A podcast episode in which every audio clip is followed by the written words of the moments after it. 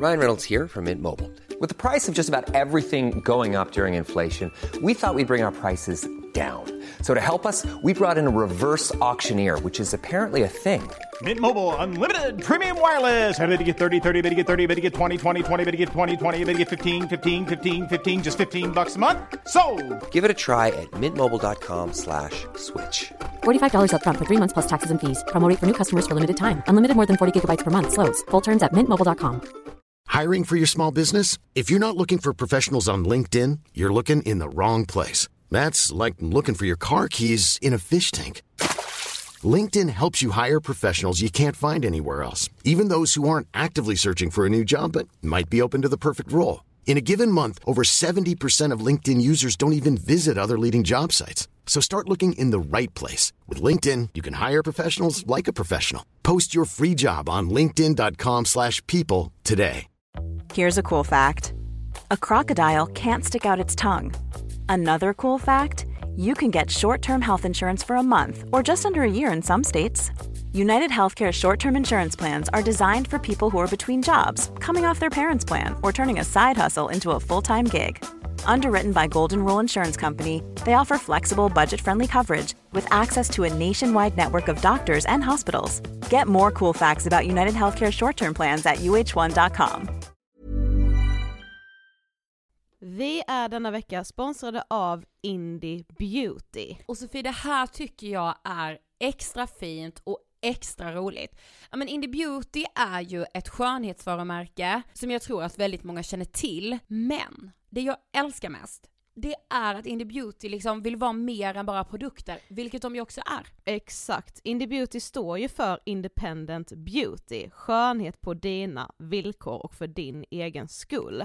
Och Indie Beauty tror ju stenhårt på ett alternativt skönhetsideal fritt från måsten, skam och känslor av otillräcklighet. Där är jag helt med Indie Beauty. Jag med. Det är så jag vill att skönhet ska vara. Ja men verkligen. Och vet du vad som är nytt för i år Sofie? Berätta. Från och med i år så skänker Indie Beauty 1% av sin försäljning till Suicide Zero, Tjejzonen och Djurens Rätt. Så när man handlar produkter från Indie Beauty så kan man liksom känna att man också ger tillbaka till samhället. Ja, kraften i tillsammans. Ska jag säga en sak nu då som Mm. jag, det, men det är detta jag är extra glad över.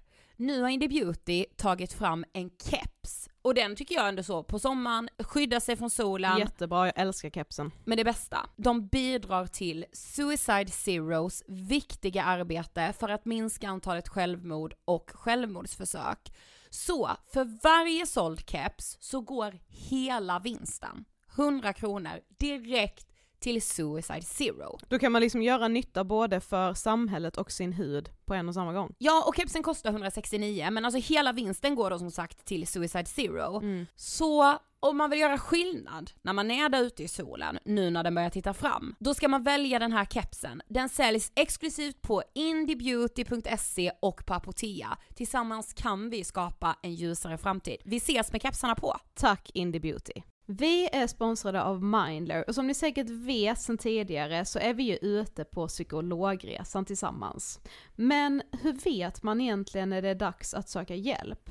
Ibland uppstår saker i livet som kommer utmana oss och kännas tufft. Det mesta självläker vi oss igenom, för vi är menade att ta oss igenom en viss mängd påfrestningar. Men ibland behöver man professionell hjälp för att ta sig ur jobbiga perioder i livet. Men vart går då gränsen? Vad är en del av livets skavighet och när är det läge att söka hjälp?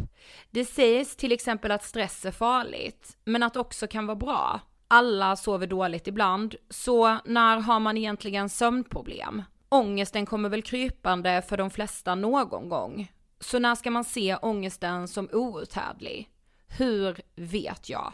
Med oss som psykolog har vi såklart min gamla psykolog Linnea Seidbrant. Men Linnea, vad är egentligen utmattningssyndrom? Utmattningssyndrom är en konsekvens av svår och långvarig stress utan möjlighet till återhämtning. Vi är ju då skapta för att klara av stress, men vi behöver också återhämtning. Om du utsätts för för mycket stress under en lång period utan att du får till den nödvändiga återhämtningen så kommer kroppen till slut att säga ifrån. Och det är faktiskt så att alla har en gräns. Du kan drabbas av en rad fysiska eller psykiska besvär som trötthet, sömnproblem, hjärtklappning, besvär från magen och tarmarna och mycket annat. Och det här är ju då varningssignaler och tecken på att du kan behöva göra någonting åt din situation. Annars så kan besvären utvecklas till att du mår så dåligt på sikt att du blir psykiskt och fysiskt utmattad. Ladda ner Mindler till din telefon och läs mer på mindler.se.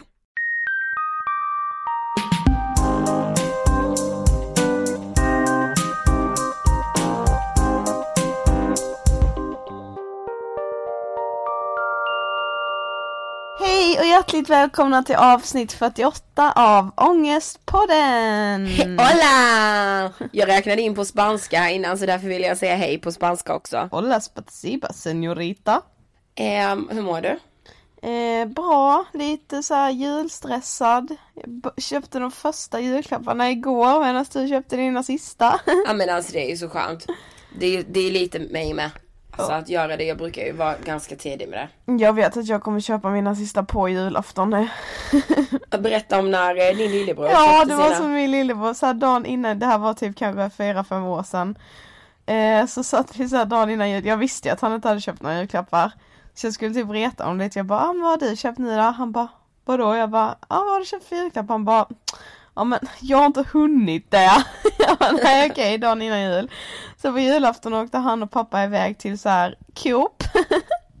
För då kunde han ändå köpa lite så här hårinpackning och sånt till mig. Så köpte han även typ så här 10 pack strumpor till pappa. Ja. Sen när, vi kom, när de kommer hem, då har han glömt strumporna på rullbandet där på Coop. Det är helt underbart. Alltså det är så så fantastiskt. gråta jättemycket. Det är så fantastisk historia, jag älskar det. När Erik glömde strumporna på Coop. Ja men Så det är så här, det, det, det ramar liksom in Erik vem han är. Ja och min familj vet så här, för vi minns den julen. Jag bara minns när Erik, för du ringde ju mig så här. Ja. Bara haha, Erik glömde pappas strumpor på Coop som han köpte samma dag. Så jag kan säga till mamma och pappa bara, ja ni vet när Erik glömde och de bara ja. Det, är, det är jättehärligt. Ja, okej, Nog nog om julklappar. Ja. Men du vet jag har lite så här ångest. Jag har haft det senaste veckan. Och det vet jag varför. Det är för att nu börjar jag slappna av inför julledigheten. Det, Ja, var, ja. det har alltid varit samma sak. När jag gick i skolan var det samma sak. När jag skulle vara ledig mådde jag skit. För då slappnade jag av och då kom ångesten. Samma sak nu. Ja, Jag var ju hemma i Blekinge nu i helgen för att jag skulle fira min pappa. Och Då kände jag med såhär bara Oh shit vad man liksom har eh, jobbat hårt den här hösten. Man känner liksom att man är sliten. Man behöver vara lite ledig nu. Ja men jag ser inte bara det, alltså jag, det handlar inte bara om att man har jobbat hårt, alltså jag tror det är det här med bara, nu får man ändå tiden till att slappna av, tiden till att verkligen vara med sig själv. Och då kvittar det nog hur hårt man har jobbat under hösten, jag tror man kan få extrem ångest ändå. Men då är det ju tur att vi har världens solsken till gäst denna veckan. Ja. Eh, idag gästas vi av Daniel Paris. Nej men alltså vi hade så roligt när vi spelade in. Ja, han är verkligen världens bästa. Ja men han är det. Och jag tyckte alltså det var så roligt. Det var bara så roligt att spela in med honom. Plus att, nej men Daniel kändes lite som en så här, jag behöver ett samtal med Daniel i veckan. Lite så. Jag kommer säkert lyssna på det här avsnittet jätteofta. För han känner, nej men han känns så sund. Alltså, det låter säkert så gammaldags att säga. Men alltså, i, all, i hans tänk, hur han resonerar. Det är så här, det, det känns så självklart bara. Jordnära. Ja, det också. Men okej, intervjun är ganska lång så vi, eh, Sätter igång. ja, nu rullar vi intervjun med Daniel Paris. Varsågoda! Hej och välkommen till Ångestpodden Daniel Paris! Jag var att jag var så ivrig. Jag bara, tack, tack, tack. Tack så mycket. Vad kul att du är här. Det är jättekul att vara här. Jag tycker ni gör ett toppenjobb. Så det känns superkul att få tack. gästa. Okej, men vem är då Daniel Paris? Den frågan, jag Ja. hörde när Anita skulle svara på den. Hon bara drog värsta utläggningen och bara, jag kan inte svara på det för det är nämligen, alltså det var så härligt. Men jag är väl eh, en, eh, en härlig 27-årig kille som eh, bloggar och jobbar med media och programleder och har mig och är socionom. Mm, ja just Ja det. just det, du utbildar socionom. sämsta presentationer. Alltså när folk bara ställ dig själv. Jag, bara, äh, äh, jag är glad och gillar bröd. Alltså jag vet inte hur man gör sånt. Jag kan bara vara mig själv. Jag försökte i alla fall. Ja det var Jättebra jättebra. tycker jag. Okej, vad känner du när du hör ordet ångest? Jag känner, det känns lite tungt, det gör det. Jag förknippar ångest med väldigt så här, tunga känslor, ett mörker nästan lite grann. Men eh, ja, ändå kändes det inte lika tungt att träffa er just för att det känns som att ni gör ångest lite mer lättsamt. Typ. Och det Ja, men det ju behövs mål. verkligen. Det är ju väldigt svårt att göra det. det är, jag tror det är väldigt många som har försökt göra det, dels för sig själva och för sina vänner och sådär. Men det är ett väldigt knepigt ämne att komma runt. Men, eh, ja, men jag tänker nog på väldigt mycket mörker och sådär. Men, men även på er, fast det låter ju jättefel. Nej fast lite så, jag tycker det låter härligt. jag Alltså, ni, ni ger mig inte ångest, men jag Nej. tänker på er när jag hör ordet. Ja, ja men det är fantastiskt. Ja. Ja. Det är bra. Ja. Eh, som sagt, du blev en offentlig person genom Ung och bortskämd och då var du 22 år. Yes. Ja, men hur var det egentligen att medverka i det programmet? Jag var ju med för att jag är minstingen i familjen och Mm. vill supergärna lära mig att klara mig själv. Det var ju det som var min ambition när jag gick in där. Ehm, och jag hade sagt till mina föräldrar i samma veva när jag fick frågan att liksom, jag måste jag måste börja lära mig att klara mig själv och det funkar inte längre att jag bara sitter här och blir serverad med allting och sådär. Men samtidigt så sa ju mina föräldrar att Daniel, vi vill ju jättegärna att du fokuserar på det du vill göra. Liksom, skaffa dig hobby, skaffa dig intressen, umgås med dina vänner, plugga så att du kan bli något stort. För jag ville ju verkligen bli socionom redan från väldigt ung ålder och hjälpa folk och sådär. Det är hög intagning för att komma in. Eh, nu är den ännu högre, men den var eh, rätt hög då också liksom. Och då ville ju de underlätta för mig så att jag skulle kunna fokusera på mitt. Men problemet var väl att jag var jätteduktig i skolan och jag hann med allting och hade ett jätteroligt liv, liksom, verkligen. Men jag visste inte hur man bäddade sängen, jag kunde inte steka ägg. Ja, men det är så basala smågrejer. Så här, kom inte mina föräldrar hem på kvällen och lagade middag så åt jag inte. Det var verkligen så. Och det var det som Nej, var så men, himla... oh, jag känner igen mig. Ja, men jag tror många känner igen sig i det och det var lite så här, ja men så här, ja men ni vet när man satsar på tåget hem och så bara, men Daniel kommer någon buss eller ska vi bara komma och hämta det? Åk inte bussen, vi kommer. Och, så och man blev så lat och jag bara tog det för givet och sen när jag berättade för mina vänner och vi pratade så sa de det att så här, det här är inte normalt liksom. Alla har det inte så här, för jag trodde att alla mina vänner hade det så här. Liksom. Och då tänkte jag så här, jag måste göra någonting. Och sen fick jag en förfrågan då, för jag hade en YouTube-kanal då. Så just fick det. jag ett, eh, ett mail från, från produktionen att så här, vi letar roliga karaktärer till ett eh, dokumentärsprogram på SVT. Jo, tjena. Men, eh, men det blev så bra och så kul. Jag är jätteglad för Ung och bortskämd. Jag lärde mig Ja. jättemycket. Och Ja, du vann väl till Jag vann. Ja, just Så det. jag lärde mig så mycket. Jag blev en annan person. Och sen så fick jag ju verkligen ja, min plattform och sådär. Så jag är jätteglad att jag ställde upp. Verkligen. Ja, ja, men jag minns verkligen den säsongen så tydligt när du var med. Eh, för jag kommer ihåg, alltså det blev ju sådana debatter Det om var det väldigt programmet. mycket så ramaskri, alltså. Jättemycket. Ja. Och, och det var ju så här, vi var ju på löpet och det Ja. diskuterades och snackades och debatter och så här. Jag fattade ju ingenting. Det var ju som att gå från 0 till 100 på en dag. Ja, det kan jag verkligen tänka Och mig. det var så galet men samtidigt så var det ju jättekul också. Mm. Ja, vad härligt att det kunde vara så lärorikt trots Verkligen. att det blev en så liksom stor grej i media. För Jo, det men- brukar vara så här, det blir löp för att man typ är med i Paradise Hotel. För att det är så här dokusåpa liksom. Ja. Ja. Ja men folk sa ju, vad ska SVT ens syssla med sånt här och sånt där? Men så, jag kan ju bara tala för dem som, för jag menar, tittarna såg en timme och vi, vi levde ju där, bodde där. Jag hade aldrig lärt mig de här grejerna annars. Jag hade verkligen inte det. Nej.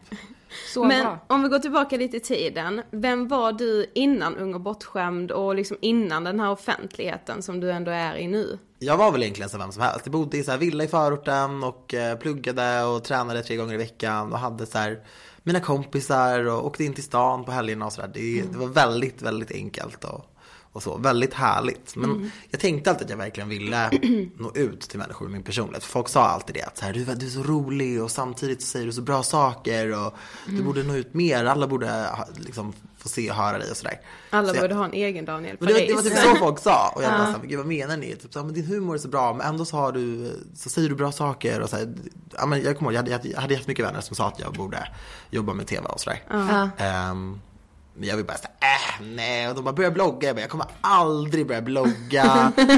Aldrig skaffa Twitter. Gud, nej, nej. Bara, Man ska aldrig säga aldrig antar. Nej. Men hur var skolan för dig då? Hur minns du din skoltid?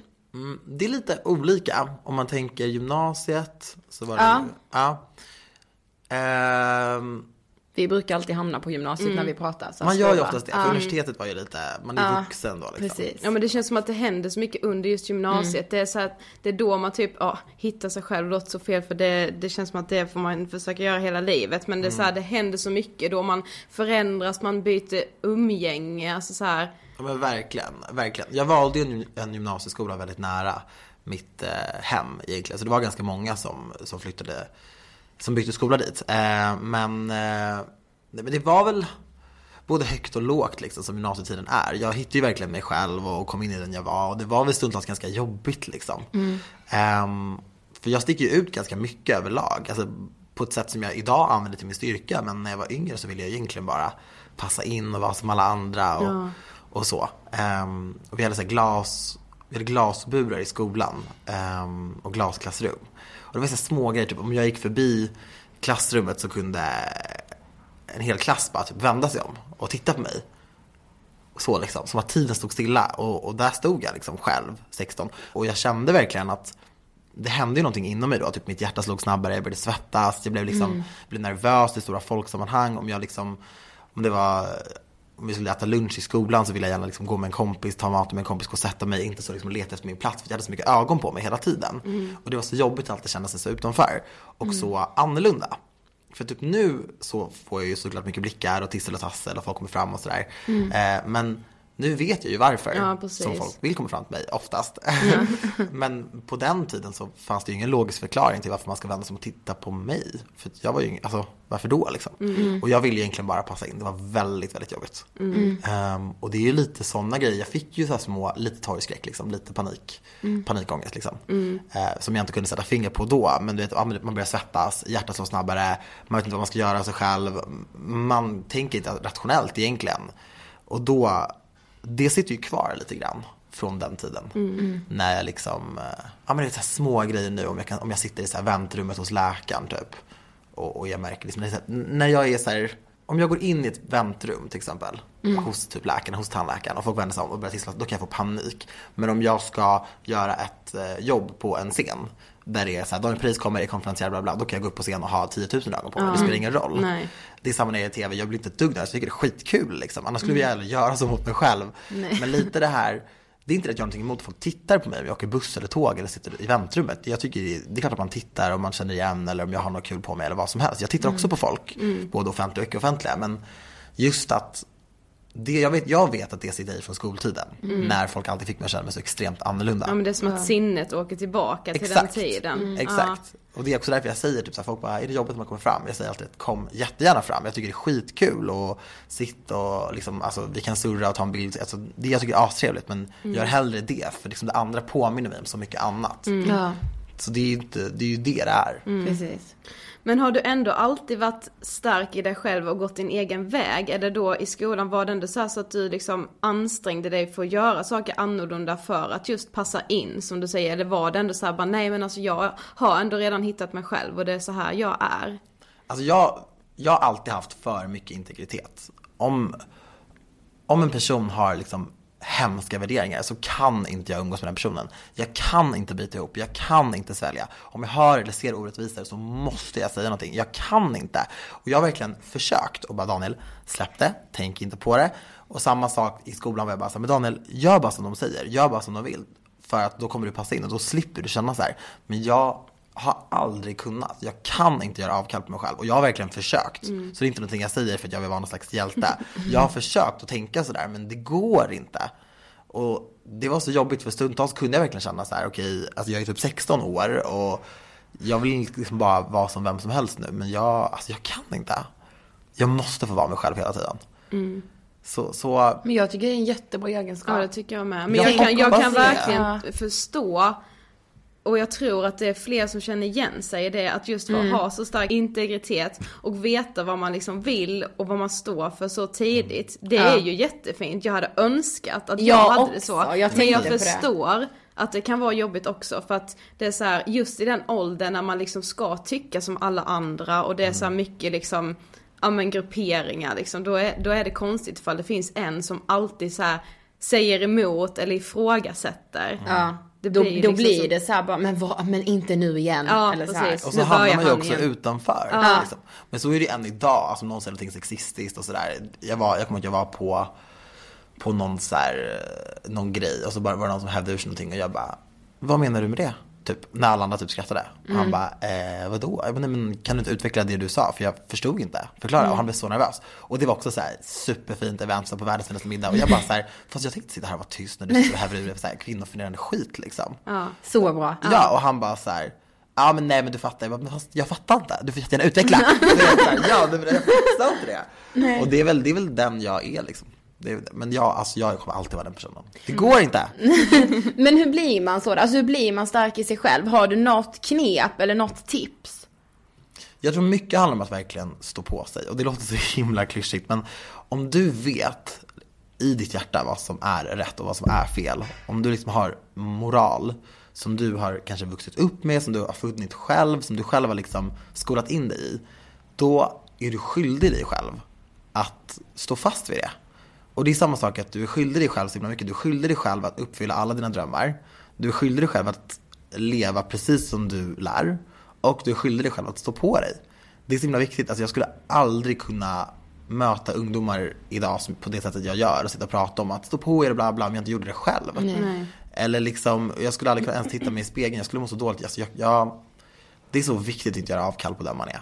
För i slutändan, alltså världen älskar original, även om man inte tror det. Men till exempel om man kollar på mitt liv. Jag är ju aktiv i eh, ja, mediesvängen som är en bransch som väldigt många unga vill vistas i. Men jag hade ju inte varit där om jag var som alla andra. Jag är ju där för att jag är jag. Och för att jag, förmodligen, och för att jag liksom är unik och sticker ut. Och det är ju min styrka.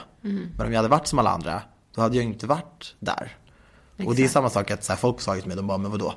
Typ, vissa mina kompisar sa att jag skulle börja blogga och nå ut och jobba med TV. Det var ju, det var mina tre vänner som sa det. Men alla andra var ju bara så här, men ingen kommer vilja titta på dig, vem bryr sig om dig? Det finns ingen som dig i media, det finns ingen plats för dig. Och jag var ju såhär, nej men, uh, jag höll ju med dem lite och bara, nej, vem kommer vilja se mig? Jag är ju som vem som helst liksom. Eller jag, är- jag är inte intressant eller så här. Men om jag hade lyssnat på dem, då hade jag ju inte gjort något av det jag gjort idag. Nej. Och jag tycker det är askul att jobba med det jag gör och få nå ut och få träffa unga och sådär. Mm. Det hade jag inte kunnat göra annars. Nej. Men, Åh, så bra svar. Ja, Just men det där, är verkligen jag, så. Nej, men jag tänker det, men jag bara, det är klart jag är skyldig mig själv att uppfylla mina drömmar. Det är klart att jag är det. Nu känns det så självklart när du Men säger ingen det. kommer göra sånt åt en. Nej, ingen kommer ju eller hur? uppfylla dina drömmar. Folk kommer ju klaga på dina drömmar tills du inte vill uppfylla dem. Exakt, och det är samma, så här, ingen kommer ju egentligen alltså, stå på sig åt dig heller. nej. Det måste du göra själv. Ja, så sant. Ja. Men har du dagar när du tvivlar på dig själv? Alltså alla har ju liksom skitdagar. Men hur kan en skitdag se ut för dig? Det låter Nej, som en alltså- jättekonstig fråga. Ja, alltså för mitt liv är ju perfekt. Ja, men precis. Ja, men precis. Nej, men alltså, det, är klart, det är klart att jag har jobbiga dagar, självklart. Alltså, jag har ju dagar när jag vaknar upp och tänker så här, Åh, så alla hatar mig, mitt liv suger, jag har inte ens kul. Och, typ, så här, jag, och, så, och, och när jag kommer hem liksom en dag och typ, och kollar på TV kan jag tänka så här, ah, nu har den här andra personen säkert vaknat sex på morgonen, gått och tränat, gått och jobbat, träffat sina kompisar, hunnit med allting medan jag bara har suttit här och jag är så misslyckad och sådär. Problemet är att man får typ inte tänka så om sig själv. Man ska inte tänka så om sig själv. För det kan bli som ett mantra som du bara upprepar för dig själv hela tiden.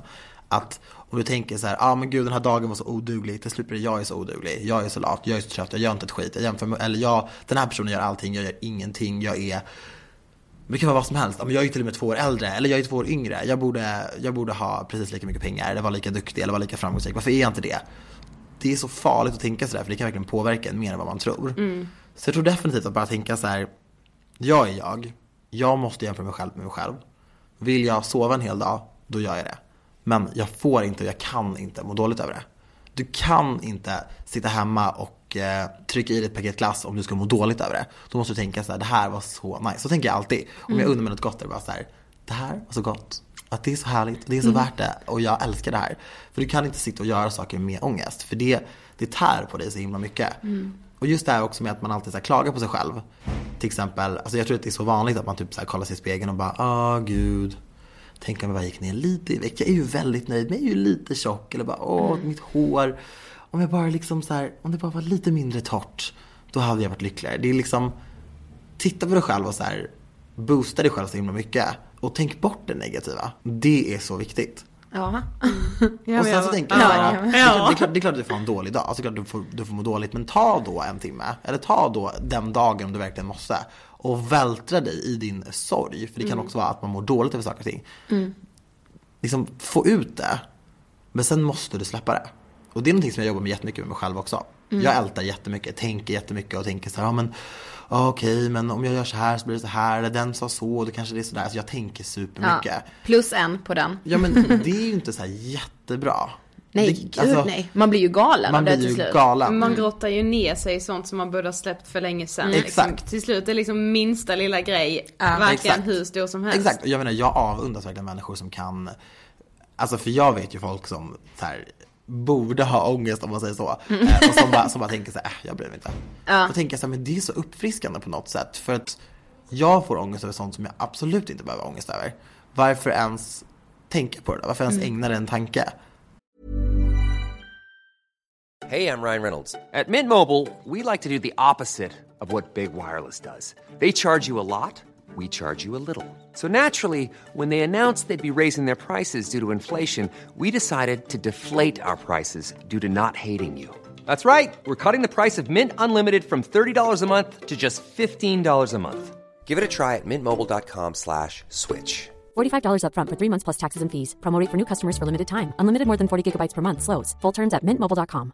Quality sleep is essential. That's why the Sleep Number Smart Bed is designed for your ever evolving sleep needs. Need a bed that's firmer or softer on either side? Helps you sleep at a comfortable temperature? Sleep Number Smart Beds let you individualize your comfort so you sleep better together. JD Power ranks Sleep Number number 1 in customer satisfaction with mattresses purchased in-store. And now, save 50% on the Sleep Number limited edition Smart Bed for a limited time. For JD Power 2023 award information, visit jdpower.com/awards. Only at a Sleep Number store or sleepnumber.com. Everyone knows therapy is great for solving problems, but getting therapy has its own problems too, like finding the right therapist, fitting into their schedule, and of course, the cost.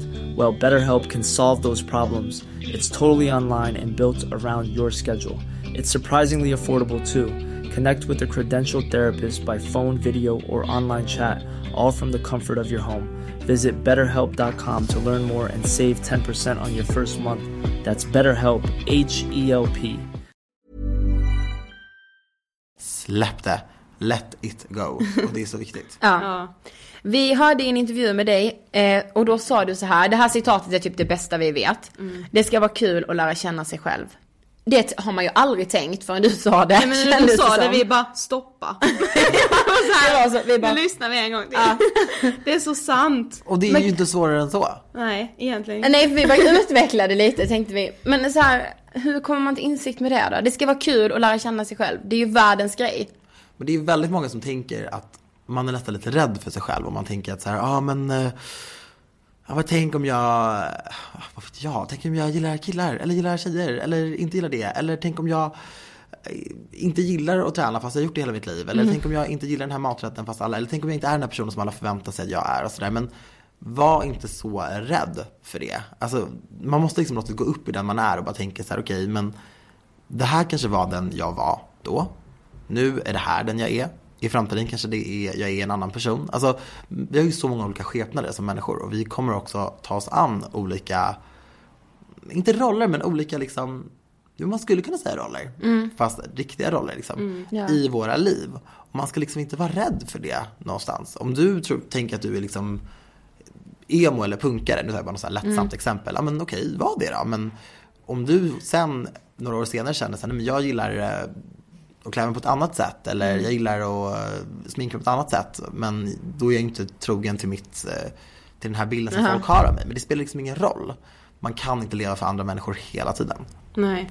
Man måste leva för sig själv och det gör man ju inte när man hela tiden försöker vara andra till lags. Det känns som att man är liksom uppväxt med det här med att man ska hitta sig själv. För att det finns ju en anledning till att uttrycket identitetskris är myntat. Det är just det här för att man håller på rätt mycket upp och ner och man byter klädstil och man byter musiksmak och bla bla bla. Det är som man bara, ja, men det är väl Ja. skitkul. Det är en del av livet och liksom Precis. uppleva allt. Ja Alltså, men exakt, det behöver inte vara en kris bara för att man byter stil. Nej, liksom. precis. Men folk skämtar ju så mycket om det också, att det är så löjligt. Typ så här, om, ja men om, om ni vet när man ser någon så här, någon människa som kanske, ja men så här, vi säger att vi ser en äldre man i så här färgglada kläder, det är folk som Mm. bara, Ja.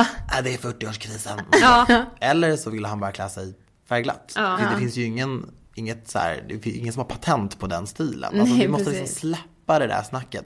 Folk slänger runt på de här orden till höger och vänster, Mm. kris och ångest och så här. Man bara, sortera ut begreppen innan du bara Eller hur? slänger runt med dem. För det har blivit så urvattnat nu. Ja. Men efter att du har medverkat i Ung och bortskämd så känns det som att du har gjort typ allt. Du Ja, men vi ju- kollade så vi bara, ja Daniel har gjort allt. Ja. Ja men du har, så här, du har ju pratat i radio, gjort en eh, kokbok, du har haft ett eget tv-program nu precis som är släppt. Eh, får du någon gång prestationsångest? Självklart får jag det. Verkligen. Alltså, Mm. Jag har ju också haft turen att det jag har gjort har gått bra och folk har tyckt om det och man har velat se mer och så här. Och jag har varit, alltid varit supernöjd. Jag har egentligen inte gjort någonting där jag har känt så här, det här gick dåligt eller så här, det här vill jag inte göra. Tack för det. Min lyckliga stjärna, nu kollar jag upp i skyn för som inte ser mig. Eh, men då är det klart att jag känner att så här, jag vill att allt jag gör blir bra. Och jag vill att allting jag gör blir, blir mitt. Men där har jag också ett ansvar själv att tänka liksom att okej, ett tv-program, absolut det är klart att jag kan göra det. Men då vill jag att det ska vara på det här sättet. Och den här uppbyggnaden, vad, vad tror ni om det? Mm. Och det är samma om jag ska typ leda en gala. Då vill jag ju skriva manuset själv till exempel, med egna skämt och sådär. Det är ju någonting som jag vill göra för att det ska bli bra. Än att rabbla massa för, liksom förtryckta grejer liksom. Mm. Ehm, och, men det är klart att jag kan känna det, verkligen. Jag kan känna att jag borde göra ännu mer, jag har inte gjort ett skit, du vet, Mm. när man är riktigt svag. Men får man mer prestationsångest när man ja, men jobbar på det sättet som du gör, att du gör allting själv? För då blir det så här, det här är verkligen mitt. Nu blir jag bedömd för det som är jag. Ja, alltså så är det ju. Ja. Den dagen som typ, eh, ja men typ Café de Paris som jag gör nu, det är ju Mm. verkligen ett program som jag har skrivit. Och, Kolla på det allihopa, det är, Det är världens jättekul. tips. ja, men det, är- ja men det är verkligen superroligt och jag har ju verkligen liksom skrivit alla skämten själv och liksom Mm. lagt upp hela formen själv. Vi filmar liksom i mitt hem. For, for God's sake. Och då känner jag bara så att tänk om någon skulle bara, det här var den största skiten och verkligen säga saklig i sin kritik. Ja. Inte Mm. bara så här, det här var dåligt för det, det bryr jag mig inte om. Nej. Men så här, kritisera det på punkter, på kvaliteten. Då skulle jag ju bara, fast jag tyckte att det här var så bra. Ja. Liksom. Men det är klart, det får man ju ta till sig. Jag älskar konstruktiv kritik liksom, när, man- när, folk, men, eh, när folk berättar så. Men du vet, då skulle jag ju bara, wow, det var så hårt. Mm. Liksom. Mm. Men jag vill ju verkligen göra saker som är bra. Men också saker som är mitt. Mm. Men egentligen, så länge jag har varit nöjd så spelar det väl ingen roll vad de tycker. Nej egentligen är Nej, det ju eller så. hur? Men det är så svårt att glömma det, bort liksom. det. Ja. Ja, Ja. Eh, du är en väldigt stor förebild, måste man ju säga. vad gulligt. Jag blir så glad. Men tänker du ofta på det, att du är en förebild? Alltså både ja och nej. Mm. Jag är ju mig själv alltid. Jag tänker aldrig så här, men det där kan jag inte lägga upp för jag är en förebild. Det är massa unga som sitter och ser det här och så tänker så här, men Daniel, så tänker jag inte. Men, eh, men jag, jag blir ju väldigt så här, jag får ju höra det ofta. Mm. Det är ändå stort. Mm. För mig är det skitstort att någon kommer fram och berättar att så här, jag såg upp till dig, säger, jag, för jag var så här, jag, till exempel när jag var hemlig gäst på ett, eh, ett läger om att våga gå sin egen väg. Mm. Eh, och då, då var det så här, deras lägerledare som ringde mig och bara, men kan du komma? Och så ja men självklart. Och då när jag kom in så var det en tjej som, eller folk var jätteglada och bara så här, wow, jag bara, yeah, vad glad jag blev. För så var det en tjej som lämnade rummet. Och jag bara, oj, okej, hon hatar väl mig. Det gör alla, alla behöver inte älska mig liksom, men det var bara så jobbigt att någon gick. Ja. Ehm, och sen kom hon tillbaka på slutet eh, när jag stod och liksom tog bilder med typ hennes kompisar så här, och, och jag bara, gud det är hon som hatar mig. Liksom. och då sa hon så, hon bara, alltså, typ när alla hade gått liksom, och alltså, du förstår inte hur mycket du har hjälpt mig genom alla de här åren. Jag har blivit så inspirerad liksom, av dig, av den du är. Jag kan inte fatta att du är här, för jag, de hade inte sagt att jag skulle komma. Mm. Ehm, och det var så här, utanför stan, det var bara så otippat att jag skulle vara där. Ja. Och då sa hon det, hon bara, jag var tvungen att lämna rummet. Hon bara, jag, jag kunde inte liksom lyssna på dig för det var så, det var så blev stort. så stark. Och Ja, jag men bara, vad fint. Vad Shit, vad sjukt. fint. Ja. Och ändå tänkte jag så här, då kom jag på mig själv och bara, men alltså vad är det för tanke jag har om mig själv? Liksom, tänker jag att folk Mm. lämnar i ren protest?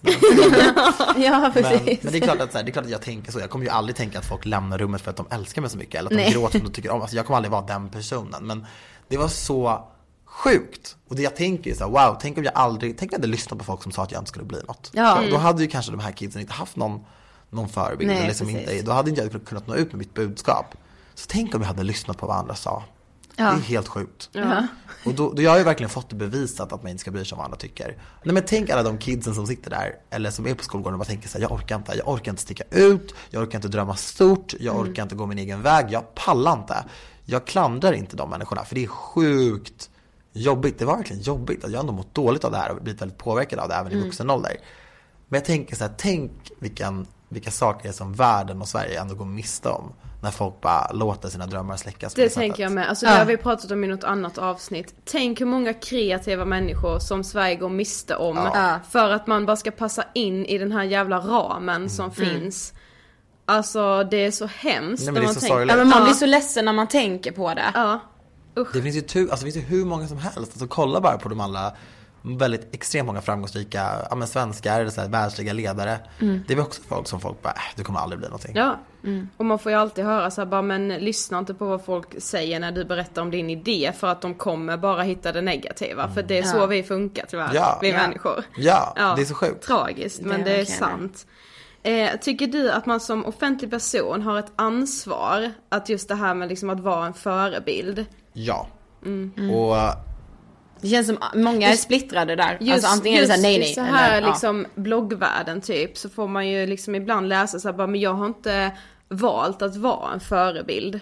nej, men jag köper inte det där riktigt. Alltså jag, jag tycker inte att man kan ha liksom som de alla, eller liksom vara med på tv och vara offentlig och blogga och skriva saker öppet i ett publikt forum och inte tänka på att det finns liksom tusentals, om man har tur, lättpåverkade ungdomar som sitter och tittar på det här eller läser det här och som sätter upp en på en pedestal och tänker att så här, det du säger, det är lag för mig. Jag tycker bara att vi som ändå är offentliga, alltså vi, vi har ett ansvar, absolut. Vi har ett ansvar att berätta och visa upp våra liv som det är, alltså verkligen. Och jag tycker också att vi har ett ansvar att tänka på vad vi lägger ut, publicerar, skriver, vad vi pushar för. Och det är, liksom, det är så många unga människor som inte tänker på det, som skriver ut exakt eh, allt möjligt om sig själva. Det kan vi i och för sig göra, men jag tycker inte man ska göra det. För jag tror att man tycker man ska ha lite mer respekt för sig själv än så. Men om, liksom om sina vänner, man delar saker utan att tänka på källkritik och bara liksom agerar i affekt. Och därför känner jag bara så här, nej, bara nej.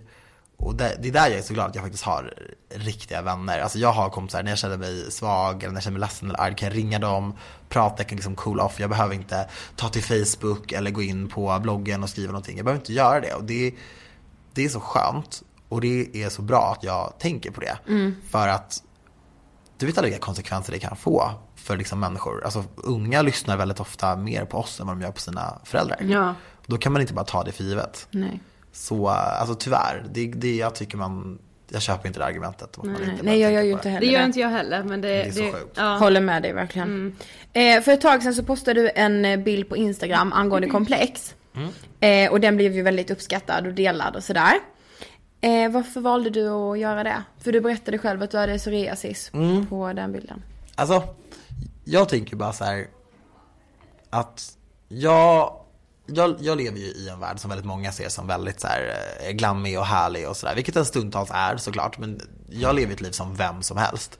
Och så kollade jag så mitt flöde, det var så väldigt mycket fina bilder och fina middagar och så här. Och ändå så stod jag som jag gör varje kväll i mitt badrum och liksom smorde in min hårbotten och min hy och så här. Och jag bara, jag borde lägga upp en bild på det här och faktiskt visa den här sidan av mitt liv också. För att jag gör ju det här varje kväll och det är typ ingen som vet det.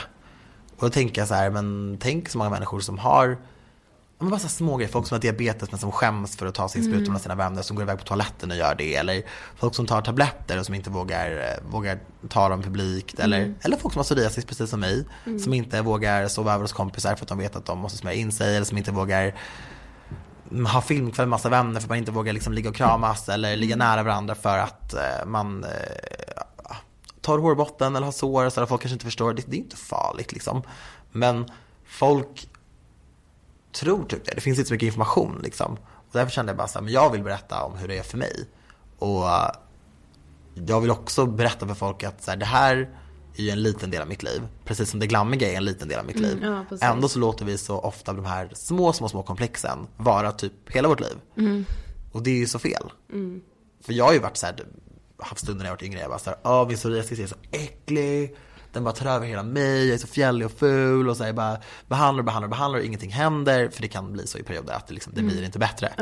Ehm, men det är ju också bara en liten del av mig. Det är ju ett litet så här, hudtillstånd som jag har. Men det är ju inte allt. Nej, och det är inte farligt. Och det är ju, liksom. nej, det är ju inte det. Även när det varit farligt, alltså så här, det är ju ingen big deal. Alltså det är ju, det är någonting, det är en del av mig.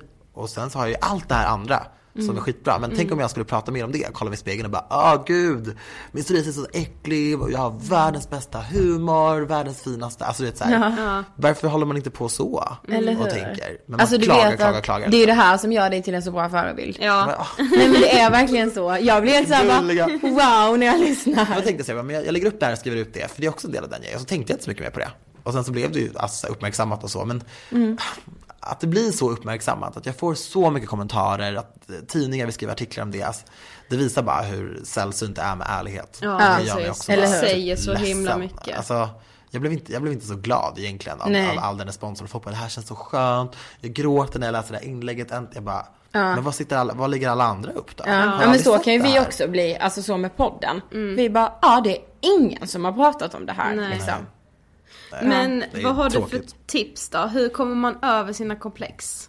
Det, det magiska, så här. Nu kommer det hörni. Jag drar en one-liner på den. Men, alltså, det där är så komplicerat. För att man vill inte heller bara säga så här, men gör så här, gör så här, gör så här och Ja men testa det så kommer det funka och så, och så kanske det inte funkar för någon. Så tänker man så här, vad är det för fel på mig? Inte ens det här magiska receptet funkade, det är något fel, det är något fel. Jag, Banan i Paris sa att man skulle göra så här. och det funkar inte, så därför är det mig det är fel på. Typ. Men jag tror bara så här, man ska aldrig liksom överidentifiera sig med sina komplex. Tänk aldrig att jag är det här, jag är det här komplexet. Låt aldrig ta över. Och det finns så mycket, många tillfällen när, när jag har sagt saker, i alla fall när jag var yngre, för då är jag alltid så här, ja ah, hej, eh, titta inte på mig, jag har fått en finne. Och då bara, Jaha, ja, jo, jo det har du ju i och för sig. Eh, Eller bara säga, ja men mitt komplex är att mina, mina ögon är olika stora.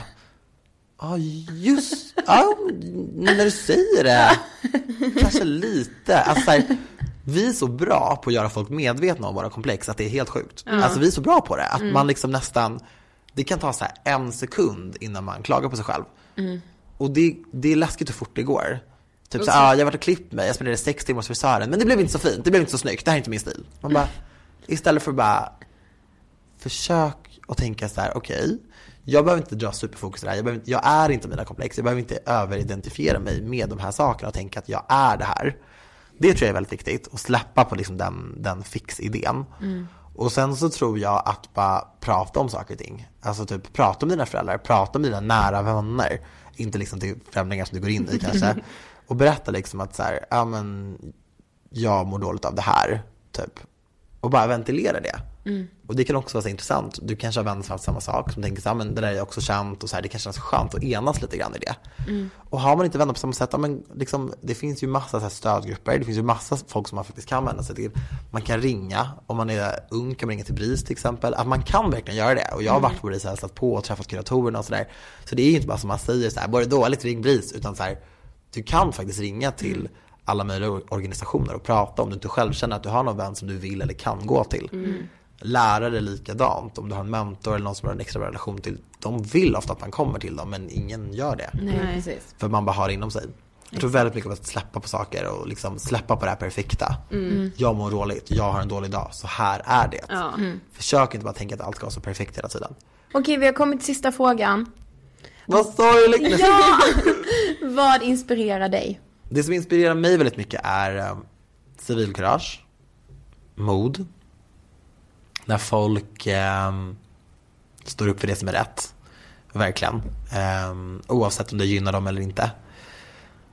Jag inspireras väldigt mycket av folk som reser, typ mina föräldrar, de kom till Sverige för 35 år sedan ungefär. Um, och liksom skulle vet, vara unga, skulle plugga och bara så här, leva livet liksom. Och det slutade med att de byggde ett helt, ett helt nytt liv här. Ett, uh, ett mycket tryggare och bättre liv för mig och mina syskon. Och att bara för liksom, jag vet att de har varit med om så mycket. Um, den uppoffringen liksom, som de gjorde för mig, det är någonting som jag förmodligen aldrig kommer behöva göra för någon. Och jag vet inte ens om jag hade kunnat göra det. Och det inspirerar mig så himla mycket. Jag inspireras av företag som ger tillbaka väldigt mycket, som vi ser mycket av. Alltså stora liksom, börsnoterade företag som engagerar sig väldigt mycket i saker och ting. Eh, välgörenhetsfrågor och sådana saker, det gör mig väldigt glad. Så det sånt. Aha, Bra! Tack så jättemycket för att du ville gästa Tack Ångestpodden. så mycket. Jag, jag har inspirerats jättemycket av er också. Jag har det. Jag, vi har verkligen fått, försökt få till den här podden jättelänge. Ja. Jag har verkligen velat vara med med mitt jäkla schema. Så jag är jätte, jätteglad att det, att det gick att få till. Ja, Det är vi också. Det ni gör är superviktigt, verkligen. Tack! Gud jag älskar det här med att det ska vara kul att hitta sig själv. Ja, jag med. Det är så viktigt. Ja. Och på något, något sätt tror jag så här, det är liksom en liten del av hela livet. Ja. Det, och det är ingenting som säger att man måste liksom hitta sig själv och bestämma sig redan när man är så här 15 år. Nej, men tänk vad läskigt. Ja. Att såhär bara, den jag bestämde mig för att vara när jag var 19. Mm. Jag skulle inte vilja vara henne nu kan jag säga. Nej men det är lite så också man får ju väldigt tidigt frågan så här när man går till lågstadiet bara Men vad vill du bli när du blir stor? Och man tror liksom, det är en fråga som man tror är väldigt central och viktig och så här bara det måste jag ju komma på nu. Man bara nej alltså man kan ju sadla om när som helst, det är Ja. aldrig för sent liksom. Men det tror jag ändå vi är på väg mot ett sånt samhälle där det blir mer accepterat. Eller så här, där det är mer en del av allas liv Mm, Det liksom. tror jag med. Så bara nej nu säger jag upp mig för jag ska göra något annat. Men det var ju verkligen kul just det här med att det ska vara kul att hitta sig själv. Mm. För när vi hörde Daniel säga det, vi blev ju helt till oss. Mm. Vi bara, vänta, vänta, vad sa han? Det här är genialt, Mm. typ. Så det var, ju, det var därför vi vill ta upp det nu med. Ja, men han säger så mycket bra saker Daniel. Ja det gör han. Ja. Så vi vill tacka dig Daniel för att du ville gästa oss. Det var fantastiskt roligt. Ja och tack till alla er som har lyssnat. Som vanligt, alltså vi älskar ju er. Mm. Det gör vi ju verkligen. Om ni vill följa oss på sociala medier så heter vi Angestpodden på Instagram. Och jag heter Ida Hockestrand och Sofie heter Sofie Hallberg. Daniel går under namnet Daniel Paris på cirka alla sociala medier. Och även hans blogg danielparis.se. Fortsätt prenumerera i podcastappen. Vi måste göra en shoutout till vår blogg.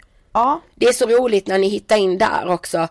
Vår vardag, vår lite spretiga vardag skulle jag säga. Ja, den heter, den ligger ju under bloggportalen now, så den heter now.se slash ingetfilter. Annars hittar ni den på ingetfilter.se under våra kanaler, så kommer ni liksom, blir ni direkt kopplade till bloggen.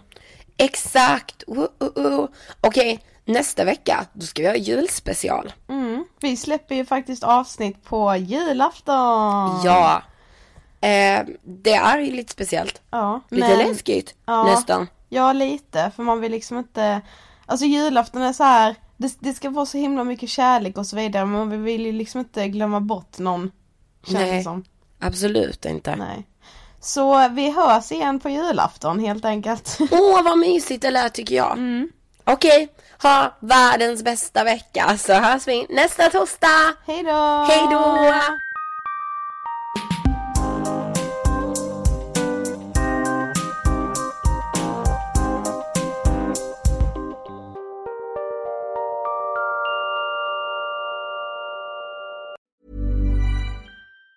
Planning for your next trip? Elevate your travel style with Quince. Quince has all the jet setting essentials you'll want for your next getaway, like European linen, premium luggage options, buttery soft Italian leather bags, and so much more. And it's all priced at 50 to 80% less than similar brands. Plus, Quince only works with factories that use safe and ethical manufacturing practices. Pack your bags with high-quality essentials you'll be wearing for vacations to come with Quince. Go to quince.com slash trip for free shipping and 365-day returns. Planning for your next trip? Elevate your travel style with Quince. Quince has all the jet setting essentials you'll want for your next getaway, like European linen, premium luggage options, buttery soft Italian leather bags, and so much more. And is all priced at 50 to 80% less than similar brands. Plus, Quince only works with factories that use safe and ethical manufacturing practices. Pack your bags with high-quality essentials you'll be wearing for vacations to come with Quince. Go to quince.com slash pack for free shipping and 365-day returns.